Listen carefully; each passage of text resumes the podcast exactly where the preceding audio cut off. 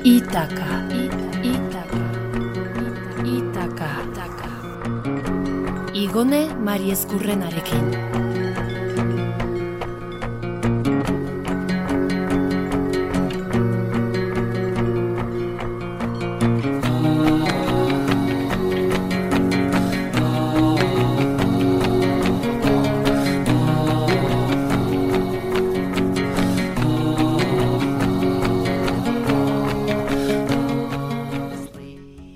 Arratxaldeon, entzule, hemen naukazu, ostegun arratsaldero bezala, txintxo-txintxo, itakarantzko bidearekin dugun itzordurako prest. Urrengo etapa itxasoz egitea proposatu nahi dizuet, belaontziz. Tira, proposamena ez da nirea, Xabier Urrestirena baizik, Irundarrak navigazioa maite zuen guztiaren gainetik eta duela amaika urte erabaki zuen ordurarteko lehorreko bizimodua utzi eta itxasoratzea. Zaletasuna ogibide bilakatzea.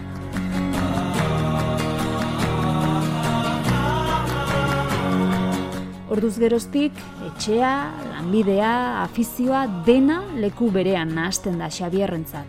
Olatua belaontzian. Bere kabuz egiten dutu zeharkaldiak jakina baina orain, uda sasoian, itxas esperientzia bat bizi nahi duten bezeroekin partekatzen du olatua. Mediterraneoan, Balear irletan. Beste Ibiza bat eta beste Formentera bat ere erakutsiko dizkigu. Txikota askatu eta jaso belak. Bagoaz! Itaka. Itaka.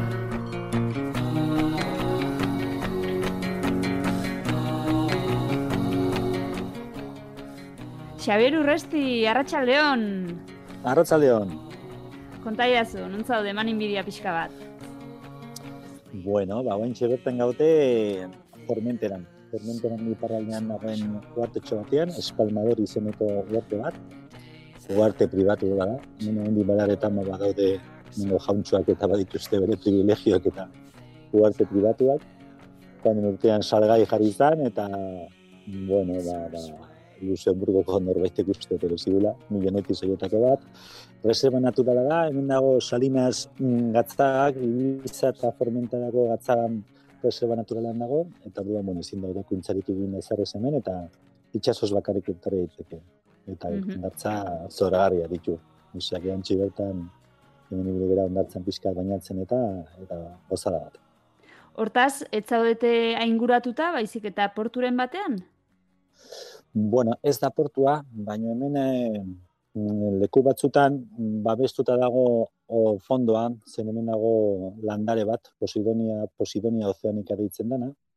Landare bada, da lehorreko landare bat e, egokitu dena, itxaso barruan egokitu dena, eta fotosintesiza egiten du, ura garbitzu egiten ditu, oxigenatu, eta oso, oso garrantzitsua da hemen Mediterraneo osoan, eta Formenteran badago asko, orduan hemen ezin da ingura bota. Zen ingura bota eta jaso, ba, kalte handiak egiten ditu, batez ere barko handiak eta txikiak, bueno, askotan bota eskero ere bai ez. Dioten ez, e, bizidun handiena izan daiteke Posidonia landare bat. Hemen di ADN-a nortu zen e, alde batetik bestera eta metroak eta metroa dauzka, oseak, e, bizidun handiena izan daiteke Posidonia landare bat. Jo, eh? bitxia benetan, eta Balear Irletako gobernuak badu kanpaina oso bat martxan, okerrez banago, hori babesteko, eta tira, ba, honekin oso hartuta edo kontu zibiltzen ez diren kapitainak ohartarazteko eta abisua emateko behar denean, eta eta ingurua altxarazi behar bada ere, altxarazten dute, ezta? Bai, badu, balereko gobernua badugola zainketa eh, barku batzu baditu, eta bueno, zoritxarrez ere bai denetatik ikusten da, badaude jendea ba, kontzientzia daukana eta eta badakila zer dagoen, baina beste batzuk pentsatzen dute ba, alga bat besterik ez dela eta zikinkeri bezala sentitzen dute, baina bueno, hori kultura pixka bat falta uste dela. Zeharo. Aizu Xabier, zenbat lagun zaudete oraintxe bertan nontzian, eta zenbat egunerako edo zenbaterako etorri zaizkizu? Bueno, bain gaude sei lagun. Mm? Olatua belantzia sortzi lagunen, bueno, bederat, amar lagunentzako da, baina normalean sortzietan nabegatzen dugu. Eta astebeteko ibilaldiak egite ditugu, orain ja sasoi honetan Ibiza eta Formentena. Aste larun batetik larun batera normalean, eta hiru egun ba, Ibizan, eta beste hiru egun ba, Formentera inguruan, ba, naturaz eta eta itxasoz eta guzkiaz gozatzen ibiltzen gara. Hmm, pentsatzen dut, aizeak eta itsasoak erabat baldintzatzen dutela egiten duzuen bidea edo ibilbidea, baina orain honetan esate baterako nundik zatozte eta nora zoazte? Bai, egia esateko ni ez daukatola ibilbide berdintxu bat astero astero baizik eta pixkat planak bai zen arabera. Eh, joan den ostiraren elkartu ginen e, Ibizaren hegoaldean eta egoaizek etortzen ziren egun hauetan eta poliki poliki joan ginen iparraldera. Mm. Bueno, San, San Antonira portura sartu ginen ba urak eta erosketak egitera. Ondo bete genuen, olatu baditu sukaldea, komuna, ondo egituta dago, hiru kamarote, bueno, lau kamarote dauzka. Eta orduan iparraldera jo dugu, porque iparraldean askotan ba eguraldia dela eta ez da inerreixa ibiltzea. Eta hau barka kalan ibili gera, xarraka, xukla, pou de geo, bueno, lekuola nahiko, nahiko bereziak eta ur gardenak, barko oso gutxi. Bai, alden neurrian bakardadea, hautatutako bakardadea bilatuz.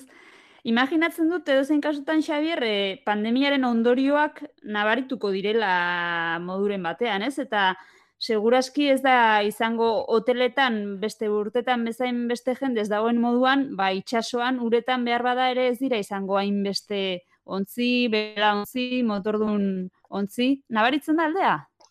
Bai, nabaritzen da. Nabaritzen da, lasaiago gaude, itsasoa lasaiago dago, eta lehorre, bai, lehorrera jisten gerenean, ba, leku batzuk tranqui, leku batzuk itxita daude, Eta batez ere, kapotarren falta sumatzen da, da, espainola eta katalana eh, hitz egiten ez duten eh, jendea, ez? Ez zuten da asko, espainoles eta katalanes ez zuten da asko, eta bai, mallorquines eta hemengo, hemengo jendea, hemengo jendea dago, gertuko jendea dago orain balearetan gehiago. Mm. Zuk badara matzazu dagoeneko amar, amaika urte honetan, eta orain arte, pentsatzen dut, ez zenuela horrelakorik ikusiko, osak, erabat berria hau zuretzako ere bai. Bai, uda berezia izaten nahi da, ez? Oso goxo, ritmo lasaiago dago, itxasoa tranquil dago ere bai, barko gutxiago, motor duen barko gutxiago, eta gozatzen ari gera, gero bestaldetik, ba, bueno, herri hauek ba, turismo aldetik eta nahiko bizi dira, hori, bere kalte ekonomikoak ba, baita retoriko dira, hori da pena. Badago jendea ala ere zuk aipatzen zenituen barku handi hiletan eta ibiltzen direnak, ba maite dutena, gaizu, e, jende pilak eta hoiek gustatzen zaizkie, itxurakeriatik ere asko dauka irla honek, baina zuk dagoeneko bota duzun moduan badago beste Ibiza bat, badago beste Formentera bat baita ere, bakartiagoa, lasaiagoa, lehenagotik gehiago gordetzen duena, eta zu neurri handi batean horren bila ibiltzen zera eta esperientzia hori eskaintzen diozu ba zurekin nabigatzen duenari. Konta iguzu, Xavier, nun dago beste ibiza hori, nolakoa da, zer aurkitu daiteke? Mm, bai, e, bueno, askotan entzuten dugu ibiza eta gure atotzez ezkigu diskoteka, martxa, katxondea eta lako gauzak ez, eta bueno, nik uste ibizak bi arpegi dauzkala ez, bat hori, eta beste gu ibiltzen geran lekuan, ez? E, bai, natura, natura aldetik, ba, maite dugu itsasoa eta saiatzen gera, ba, itsaso zaintzen ere bai, eta leku lasaietan ibiltzen. Horrek ez du esan nahi, ez gara jisten bueltatxo bat ematera, edo txiringita batea zebeza bat hartzera, ez? Baina, baditu oso, oso leku politak, eta orain iparralde guztia nibili gera, eta bai, e, olatuan nahi duena da pixkat gerturatzea itsasoa jendeari, ez? E, askotan pentsatzen dugu mito bat dago hor esaten duena ba aberatzen kontu badala itsasoan ibiltzea olako lekutan, ez? Eta nahi duguna da pixka bat, e, bueno, herrikoia izatea, herrikoia izatea nabegatzea, ez? Orduan ba mm. bizitza, bizitza barko batian, ba bere sukaldatu, nabegatzen ikasi, belakatera, mm -hmm. izea, izarrak eta naturarekin kontakta eukitzea hori da bizka bat da olatoren eh, helburua. Bai, kuriosoa da Euskal Herria itsasoari historikoki behintzat oso loturiko herria dela, baina eraberean jaso dugu oinordetzan aipatzen zenuen kultura elitista hori, navigazio hori dagokionez, ez? Iruditzen zait jende gutxik pentsatzen duela edo irudikatzen duela bere burua belauntzi batean horrelakoak egiten, badirudielako jende oso aberatsaren kontu badela eta hori desmitifikatzea garrantzitsua da eta eta bueno, ba horrelakoak izan daitezke lehendabiziko esperientziak. Zuk nolako jendea jasotzen zu? Ze ze jende mota animatzen da horrelakoak egitera? Bueno, ba, askotan ere bai, ba, ba lehenengo aldiz bizi nahi duena hau, ez? Eta mundu arrotza e, iruditzen zaio, web horri batean sartu eta nola bai. dikon historia hau pixka bat, ba igual e, ez ezaguna da. Orduan, bueno, nik Euskal Herrin egiten dut e, pixka bat, ba, nire publizidadea eta ahoz ahozko jende asko etortze zait. Eta batez ere lehenengo aldiz bizi nahi duena, esperientzia bizi nahi duena, ez? Eta gero zorionez, ba, bi hiru lau eta errepikatzen dutenak askotan ez? Orain bost lagun gaude eta bat berria da bakarrik eta beste laba ba errepikatzen nahi dira ez? Eta errepikatzaile hori hori seinale ona da Xavier. Bai, eta egi esateko gauri biligera leku batzutan, batzuk ibili dira bi edo aldiz hemen, eta eta ez ginean leku horietan ibili, ba, pixka bat aizeak leku horietan eraman gaitu gaur, ez? Eta, mm -hmm. bueno, hauetan, eta ibizari buelta eman diogu, eta, eta oso polita izan da. Zenbat, Atzo... Eh, zenbat denbora berri izan duzu, volta emateko? Bueno, poliki poliki irugunetan egin dugu, eta atzo gabian, ba, bueno, afatzera joan ginen, eta pixka proposatu nien gaur ilargi polita dago, eta zehutze zizu ba, gau ez navegatzi bali dugu, aizea, hola, pixka bat badegu ere bai, baranka zetoriko da, baina, eta bale, bale, eta atzotera ginen e, ilargi betiarekin, eta zora gari zegoen, asko ikusten zan, eta eta bueno, txandaka pixka ginen, bost orduko navegazio bat egin genuen, eta eta bueno, oso manga motzean, inungo giro otzi gabe, giro epelia epelian eta eta jargiaren mm. azpian navegatu genuen atzo eta oso politia izan zen. Zora garri. Badakit zaila dela eskatuko dizuana, irlak e, kala, ondartzatxo, arroka ondartza, pila badauzkalako, baina eskatuko banizu zure leku horla maiteenak edo gustokoenak e, aipatzeko, sekretuagoa dira ere, ze izen datorskizu burura. Batema gordeko duzu zuretzat, badakigu. ez, ez, ez, ni bizkia bat, ba, konpartitzeko gauza ere, bai, ez, zaintu, zaintzen bali maituko eta sekretoak. Ba, Baina horretatik badago pixka bat, baita ere, ez dakit lokalismo deitu, ez dakit hitz hori erabili daiteken, baina kapitainen artean badago horrez, e, txoko bereziak ez konpartitzeko joera zenbaitetan, edo? Oker nabil? Bueno, pitin bat egia, bai, arra ah, pitin bat. Zateateko gaur, gaur gabian joan mobera, ba, men gaude, baina iskin batian, ah. isla pribatu bada, eta printzipioz, akarrik ondartzak eta ikutu daitezke ez, ondartzak eta kostaldea, barrukaldea ezin da sartu.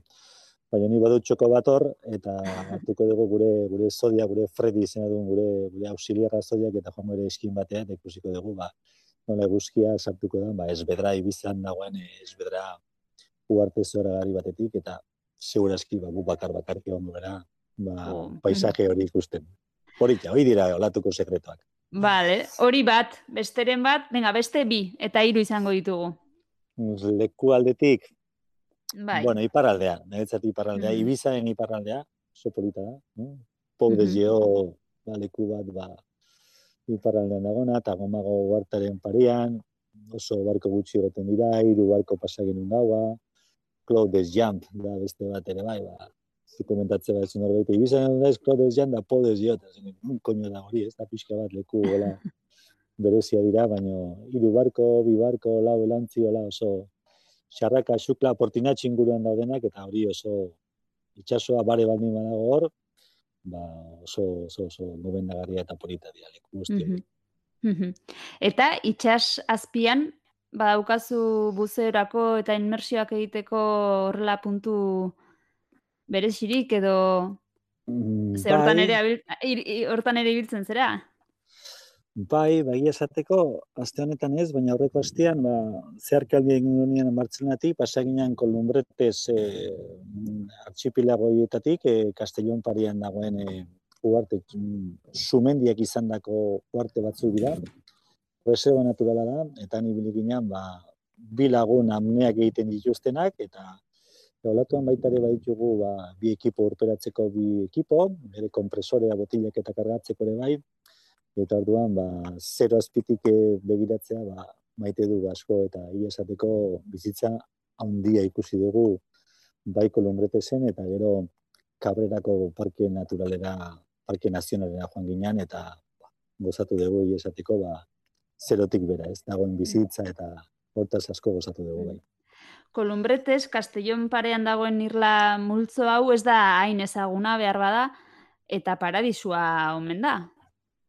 Bai, alde batetik, ba, kostaldetik, e, hori tamar itxas miletara dago, beraz, bueno, urruti xamar, ba, ba, jende batzuentzako ez, e, reserva naturala da, eta badaude leku batzuk, e, boia batzuk badaude, ezin da ingura bota inun lekutan, eta baimena eskatu ezkero, bueno, baimena, ara iritsi behar da, eta irratiz baimena eskatu behar da. Lekua bali dago ondo, eta bestela ba, peninsulera buelta, eta marri txasmila egin berituzu, orduan horregatik haien jende asko ez da animatuko. Ja, ez dute arriskatu nahi, ez? Bai, baina oso ederra, oso ederra, iezatiko, claro. ba, aspaldiz genela ikusten, bain beste, hainbeste arrai urazpian, bai. Ze ikusi zen duten, sate baterako? Ba, meroak alde batetik, mero izugarri handiak, raiak, e, dentoiak, e, gero atunak ere bai ikusitxugu atunak? atuna, baina handiak inguruan ere bai, eta pastinaka goietakoak, espetoia barrakuda moiekoak ere bai, neurria handiko handiko arraiak ere bai, ez? Eta gero muxarrak eta kastainolak eta txikiak eta pez berde eta horietako asko egia esateko lehenengo aldia esan ibiltze ginena urtetan arandi pasatzeko pasatzeko eta sorpresa handi hartu dugu. Bizitza handia handia dago. Eta bertan badago lehorreratzerik? Parke naturala da, ez dakit baimenduta ote dagoen, anik zer dakit, oinez bueltaska bat ematea edo Bai, guarda batzu daude, irratik ditzezu, kanal sortzia ditu eta paseotxo bat, e, ordu beteko paseotxo bat.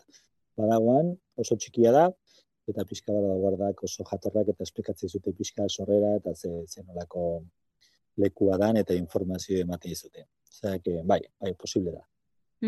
Kabrera ipatu duzu baita ere, hau ere isla edo irla barkatu beresia da Pitiusetan, Pitiusa multzo horretan. Hemen ere ez da jende gehiegi, ez dira ontzi gehiegi biltzen, eh, esaten zenuenagatik, komentatzen zenuenagatik, baimen askatu behar delako, eta bar, zer dagoan berezia, zer erakartzen zaitu handik? Ba, kabrera dago, Mallorkatik hori goaldean, ba, amar mila, eta Parke Nazionala da, beraz, e, babes e, eredu handien adoak horrez. Kuriosoa da, hoi famili baten azta, ba, katelaino feliu familikoa izan zen nola urte askotan, pribatu izan zen ere bai, gero Espainiako gobernuari utzi zion e, edo eman egin zion e, ugarte horiek, eta go, Espainiako gobernua barabilizun e, ba, maniobra militarak egiteko. Jartzen zituzten mm -hmm. e, batian ba, beren e, tiroketako punto batzuk, eta pim, pam, pum, pum, ari bilizida. Ha, egongo dira horren arrastoak oraindik, jakina? Ba, egongo dira, egongo dira, garbiketa bat egin zan, eta, bueno, ba, pentzalako leku bat, laro maikan egin zanen parke nazionala izan zen, eta nire harritxo nagoena da, hogeita mar urtetan, hori txikituta egongo zen, eta hogeita mar urtetan nola olako leku bat hartzen duen beste bizitza. Mm -hmm. zen gauza bera geletu zen, maniobra militarak inzituzten ere bai, eta laro hogeita bederatzikoa da, osea, hogeita mar, hogeita mar urtetan, zer nolako bizitza hartzen dituzten lekuak, eta zergatik ez ditugun gehiago babesten gure gure natura eta gure paisajeak eta gure gure itsasoa eta lurrak ez. Aukera txikiena eman da ere suspertzen delako. Claro, hori urte ez da denbora asko, bai eta ez ez, baino hori da adibide bat, ba, nola suspertzen da itxasoa eta eta natura. Hmm. Aizu Xavier, belantziz nabegatzen duenak, belantziz bidaiatzen duenak e, jakin behar du, hau ez dela hotel batera joatea, ez dela edo behintzat belauntzi bat e, zuraren tamainakoa, ez dela hotel batera joatea, ez dela nik zer dakit, e, botata etzan da egotea egun osoan, ez da, lan egin behar da, itxasoa zenbaitetan gogorra da, zein izaten da dinamika, e, zure abezelako, olatu abezelako belauntzi batean? Bueno, olatuak kontatu nahi du eta transmititu nahi du pixka bat, ba, zer dan e, barko batean bizitza, ez? Orduan, bueno, denbora denetarako dago, ez? Baina jendeak ba, implikatzen da, normalean ez esan gabe implikatzen da, ez? Bai maniobrak egiten, bai jakin da barku bat aizearekin nola mugitzen dan, eta niri, bueno, gustatzen zait pixkat erakustea, orduan ba, jendeari ba, gauza minimo batzuk ba, gustatzen zait erakustea, sukaldatu ere bai beudek egiten dute, barkua mugitzen danean, olatua datoztenean, eta normalean oso giro majo egiten mm, baina tarteka ba, mugimendua badago, ez? Eta bueno, ura nola zaintzen dugun, norke baditugu bi deposito uraren depositoa, baina hau ez da etxeko iturria iriki eta lasa egon, baizik eta argia zaindu behar dugu, ura zaindu behar dugu, eta pizka konsientzia atzen dugu ere bai, ba, ba nola zenolako lujoa ditugu etxian eta zenolako batzutan ba desaprobetxatu edo derretxatu ditugun ba, ba etxeko errekurso guztia ba errez ditugulako orduan. Bueno bizi modu bada bizi modu desberdina eta eta esperientzia esperientzia bada beti ikasten dugu zerbait. Hori da plazera eta ikasketa aldi berean. Bizi modu aipatu duzu Xavier zuk zurea zure bizi modua alegia duela 10 11 urte aldatu zenuen lehorrekoa alboratu zenuen, eta afizio zenuena ofizio bihurtu zenuen navigazioa kasu honetan, belauntzi bat erosi, ez oraingoa, beste bat, izan zen, orduka txima txikiagoa, eta honetan hasi zinen, orain nabigatzen ez zaudenean, Bartzelonan bizizara portuan, baina itxasontzean baita ere. Nolakoa da bizi modu hori? Zer implikatzen du belauntzi batean bizitzeak? Itxasoan naiz portuan? Bai, Bueno, ba, mm, desberdina, bazkenian, ba, kuriosoa da, porque nire txia da, nire lanbidea da, nire ofizioa da, nire hobia ere bai bezaletik, ez, eta danan hasten da leku horretan, ez, orduan, ba, ba, bueno, polita kuriosoa eta eta biziri dagoen zerbait da, orduan, ba, beti eh, mimoak eta eskatzen dituna, eta ba, momentu batean kejatu egiten da, kasorik egiten espadiot, edo, edo bueno, harremana, harremana bat ba, politia dugu, ez? baina nik entzun behar dute olatua eta eta bera nire, bai, ez? Eta bien arteko erlatzioa, ba, bueno, aurrera dihoa, poliki, poliki aurrera dihoa. Zaindu maite duzun hori, zaindu elkar. Ba, Bada, edo zein kasutan, ezer lehorreko lengo bizimodutik berreskuratuko zenukena, edo ezerren falta asumatzen duzu?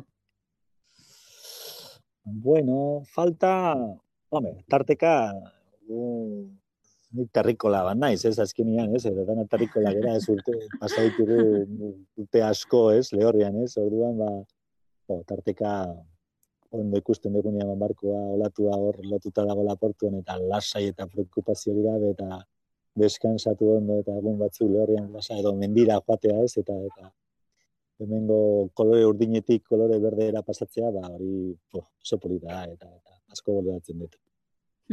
ba, Euskal Herrian bauzu horretarako aukera, beraz, bai. privilegiatua.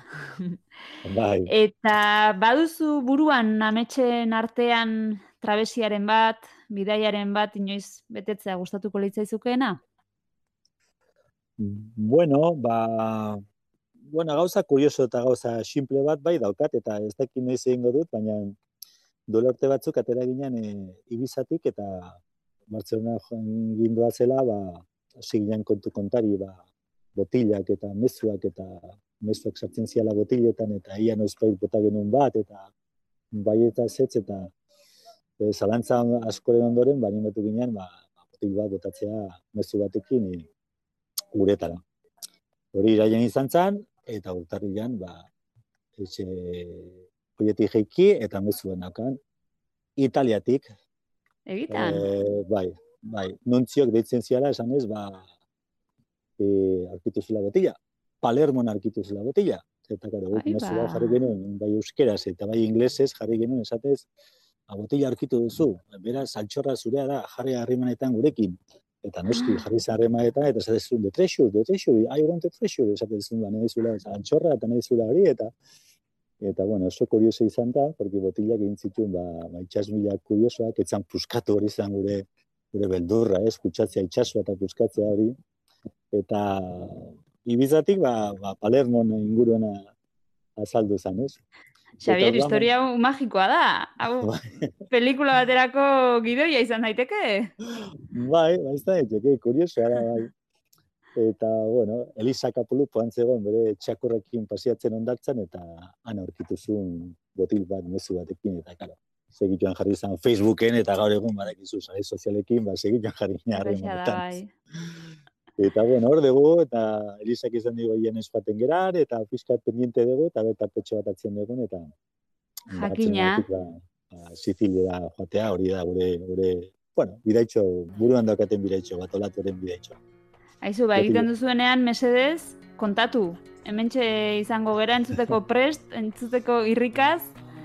Xavier Urresti, mila mila esker, Ibiza, Formentera, zatitxo bat gure erakartzeagatik, Mm. olatuan, e, olatura igotzen usteagatik, eta eta izeak aldeko izan ditzazula, opa izugu. Ba, eskerik asko, eta gonbidatu, ba, pixka bat olako esperientzia bat bizi nahi duena bentzat, ba, ba, olatuan egon gerala, eta harremanetan jartzeko erekin, da placer bat izango dela, oso jende zoragarri etortzen da barko honetara. Mila esker, Xavier, ongi ongi izan, aio! Zuei, aio!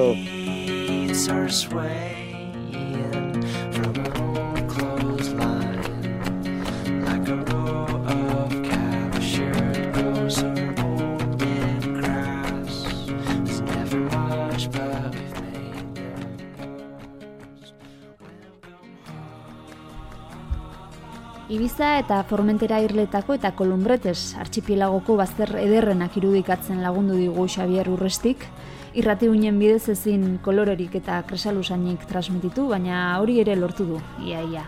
Eta batez ere itxas zaletasuna kutsatu digu. Elitismotik urrun, itsasoa bere dimentsio guztietan maitatzen, errespetatzen eta zaintzen duen norbaiten pasioa. Neurri berean maite du olatua belaontzia ere, bizi bizi sentitzen duen etxea baita eta entzun duzue tarteka lantokia ere bai. Palermorainoko zeharkaldia egiteke du Xabierrek, behin itsasora bota zuten botilaura jaso zuen pertsonarekin elkartzeko, egingo du ziur eta egiten duenean zeharkaldia bera izango da porturatzea baino ederragoa. Elmugan ez baitago aparteko ezer gure zain, horregatik beti luzatu eta gozatu bidea. Datorren ostegunean, beste abentura bat, plazer baduzuen oski. Ordura arte, ongi ongi izan eta gogoratu itaka abildua naizirratia.eu selbidea zabalik duzuela. Aster arte.